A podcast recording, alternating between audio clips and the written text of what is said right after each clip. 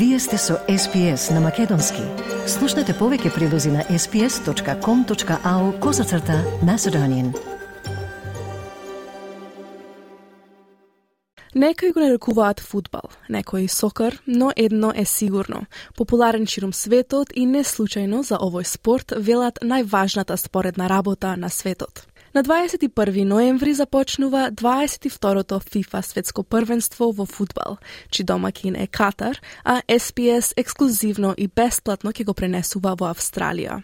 Македонија не успеа да се пласира на ова светско првенство, бидејќи во решавачкиот надпревар загуби од Португалија, иако предходно ја елиминира Италија со цел да ви представиме што повеќе информации и податоци како за предстојното, така и за минатите светски првенства, ќе имаме и серија разговори со познати фудбалски имиња. Првиот разговор е со живата легенда на македонскиот фудбал, Андон Дончевски, за чие име се врзуваат едни од најзначајните настани во историјата на македонскиот фудбал шампион со Вардар во поранешна Југославија, прв селектор по независноста на Македонија и дел од настаните при приемот на Македонската фудбалска федерација во УЕФА и ФИФА.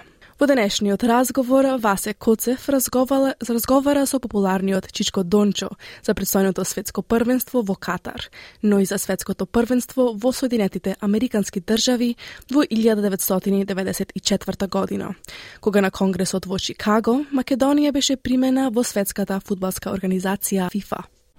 SBS. SBS. SBS. SBS. SBS. SBS Radio. Господине Дончевски, се ближи светското првенство во фудбал во Катар. Предпоставувам дека со нетрпение очекувате да започне и дека со внимание ќе го следите и ова светско првенство. Секако не отстапувам ја од тоа следење. Сакам да кажам овој пат малку се одолго увлечи, сепак еве се приближивме и ќе почне и ова првенство како и секое до сега веројатно најмногу публика или фанови ќе го гледа, гледачи на телевизијата, меѓутоа да не заборавиме дека и тамо ќе има многу гледачи како што се зборува и пишува по штампата, веќе картите се распродадени скоро за сите надпревари. Независно од тоа што фановите не знаат кој ќе биде прв, кој ќе биде втор, како ќе се одвиваат резултатите, меѓутоа сите ќе бидат присутни на полуфиналните, поготово на финалниот надпревар. Е сега, Македонија не успеа да се пласира на светското првенство, ја делеше само еден надпревар, во оние квалификации се сеќавате, ја совладавме Италија, меѓутоа загубивме од Португалија. Сепак, со внимание ќе го следите и овој мундијал, па беве запрашал која репрезентација очекувате на крајот да го подигне победничкиот пехар? Вообичаено е најискусните репрезентации или репрезентации кои што имат најдобри формат светски фудбалери да бидат во групата која што ќе се бори за првото место да го освои мундијалот. Германија и Бразил се фаворити. Да не заборавиме Франција, Белгија е тука. Да не заборавиме Холандија Оти таа да, Холандија секош на светски првенства секојш било у горниот дел. Да, таа Холандија имаше фудбалери од светски калибар. Меѓутоа, така се погоди да не го освојат ниту еднаш. Меѓутоа, секогаш имало и изненадувања. Е, примерно, 94 година во Америка, кај што се одржуваше светското првенство 15 поред, Бугарија беше изненадување. Тоа е вашата група на репрезентации од кои очекувате да се искачат највисоко на тронот на светскиот фудбал. Селекцијата на Австралија, популарните сокерус се во група со Франција, Данска и Тунис. Шансите на Австралија барем да ја помине групната фаза? Според она до сега, како што се одбива резултатите, игрите на Австралија, јас сум песимист, право да кажам. Мислам дека не можеме да бидеме, да поминеме групата, заради тоа што овој тим е без искуство, а и недостасува квалитетот. Затоа мислам добро е што учествуваме, а за резултати позитивни не би требало, треба да бидеме скромни, не би требало да, да очекуваме некои позитивни резултати. Од групата ни е таја. Тука ќе биеме битка, да не бидеме последни со Тунис, меѓутоа да не заборавиме ние од овдека немаме предност над Тунис, заради тоа што сепак климата ќе одигра една важна улога и тунижаните не се слаб тим, заради тоа што секојаш доминираат у Африка. Е сега зависи од играта каква ќе биде наша. Ја не се надеам на многу убави позитивни резултати. Можни се изненадување во фудбалот, останува да видиме.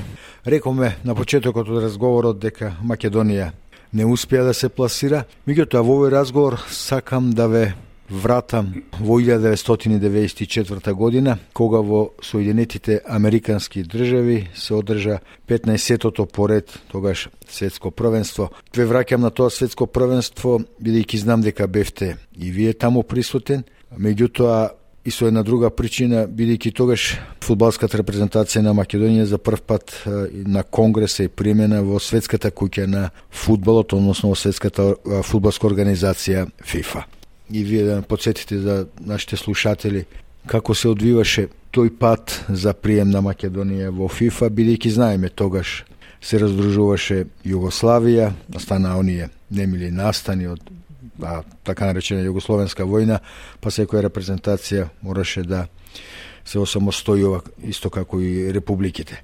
Вие бевте тогаш селектор на македонската фудбалска репрезентација, сепак сте поврзани со тој настан. Па одма да ви кажам, нам ни беше предочено или пратена депеша, дека ние 1994 година, како самостална држава и фудбалска репрезентација, ќе бидеме примени на Конгресот на ФИФА кој се одржуваше во Чикаго. Ние бевме тројца, Зинго, Иванов беше Илија, Атанасовски и јас. А ја бев во својство би рекол, бидејќи бев селектор, на стручно лице да ги гледа клубовите на светското првенство и во Чикаго не примие на тоа светско првенство, да ви кажам, невообичаено беше тоа. На конгресот во Чикаго, Жоао Авеланш, председателот на ФИФА, не прозва и рече Македонија. Тогаш Зинго, председателот баш да повторам, излезе кај Жоао Авеланш и Жоао Авеланш држи едно знаме на ФИФА, не нашето знаме. Вообичаено да се дава кога се прима некоја репрезентација, нивното знаме.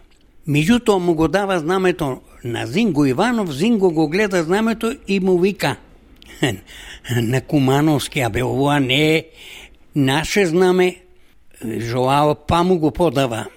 И Зинго не, не ќе да оземе се, не му е јасно.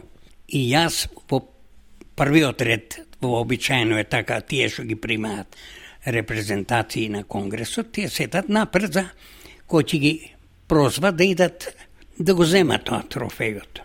Трофеј всушност беше оноа назначувањето на член на ФИФА.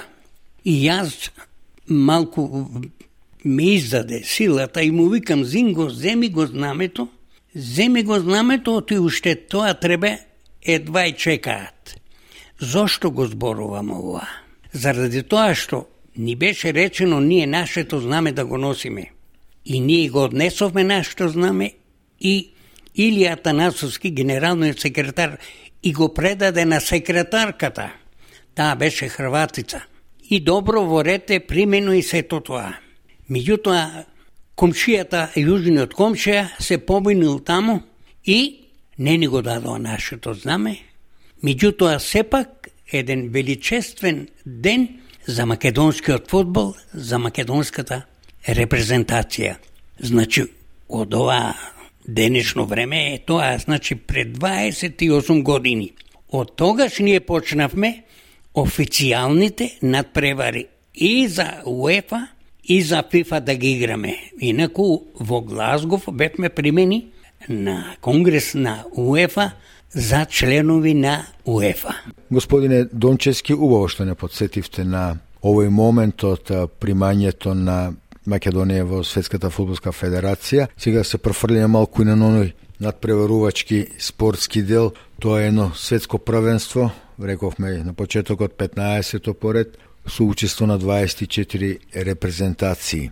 Тогаш настапија и некои промени за прв пат се воведоа новие светско првенство како за победа се дала три бода наместо до тогаш два. Она забрането играње на враќање на голманот. избран да игра со рака.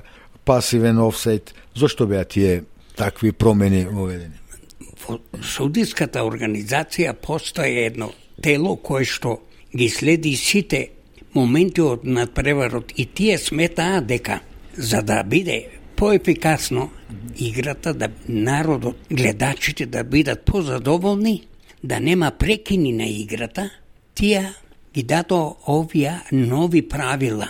Меѓутоа, предходно тие правила во своите земји се применува за да се навикнат репрезентативците. И затоа тоа беше многу позитивно и да нема задржавање на играта, меѓутоа и да биде поефикасно, да има повеќе голови и тогаш и се донесе и тие правила кои што на вистина беа позитивни за фудбалската игра за понатаму.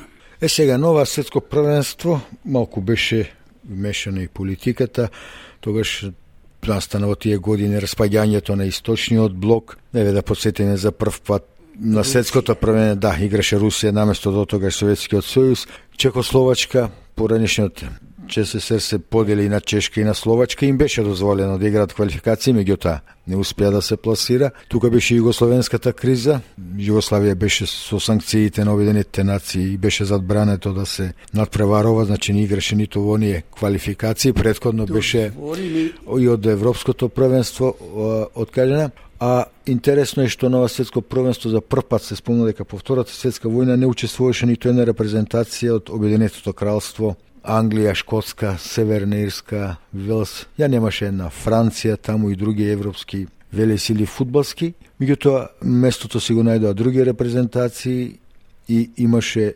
изненадување на ова светско првенство. И сега вие бевте таму, го следовте, која репрезентација според вас го направија тоа големо изненадување тогаш? Доколку се спомнам, Бугарија беше најголемо. Она беше аутсайдер, меѓу го имаше оној европскиот фудбалер Стоичков. Тој на вистина играше добро. И Румунија играше добро, Хаджи играше добро. Бугарија одигра добри надпревари, меѓутоа во полуфиналото загуби од Шведска – и мислам четврто место освои, Шведска беше те, трета. Меѓутоа, е многу важно, ја го гледав на преврот во Пасадена. Тоа е, да не речам предградје на Лос Анджелес, дури и градче. И таму се состана, и, и мене ми беше жал, меѓутоа, Бразил и Италија игра во финалето и при 0-0 и продолжение се шутира пенали. И секогаш е така најдобрите фудбалери промашуваат. Капетанот на Италија Барези промаши и Баджо, Роберто, Баджо. Тоа беше една жална гледка, меѓутоа да не заборавиме, Бразил беше со со она величина, фудбалска величина. Ромарио беше прогласен за најдобар фудбалер на првенството. Стоичков со 6 бода и Саленко, рускиот, беа голгетерите. Со тоа што со е, Ристо и то го ги даваше головите на поедини надпревари, меѓутоа Саленко даде пет на еден надпревар и уште еден и така за тоа двајцата беа голгетерите на тоа првенство. Да кажам и тоа, по статистика, надпреварите ги следеа 3 милиона и 600 илјади. Една огромна големина. И одна да кажам уште овоа дека на предходниот рекол, шампионат во Италија, што се случи? Му доделие на американците да бидат домаќини, сакајки да го афирмираат фудбалот во Америка. И се играа над преварите во девет града, кај што беа полни стадионите. И значи и од таа страна се постигна еден успех, се афирмираше Америка и понатому и таа учествуваше во на други светски првенства. Така да полн погодок се доби со тоа што го доделие на Америка, светското првенство и по дадените голови, по присуство на гледачите, така да беше потполн успех на самото првенство, немаше никакви забелешки од ниту една репрезентација и затоа останува во сеќавање во статистиката дека Америка многу позитивно го прими тоа и го испрати со најубави резултати позитивни. Затоа, тоа ќе се памти 94 година, прво за нас, што не примија како редовен член, а потоа и по постигнатите резултати, по судиските промени што се направија и заради оноа што по три бода се дава, значи ги принудија репрезентациите ги принудија да играат офанзивно, да даваат голови повеќе, а се разбира со давање појке голови, се постигнува и позитивен резултат и со тоа и бодовите. Тоа е едно забележително светско првенство, што да ви кажам, толку добро организирано што да не речем само Америка може тоа да го направи никаде немаше никаков проблем.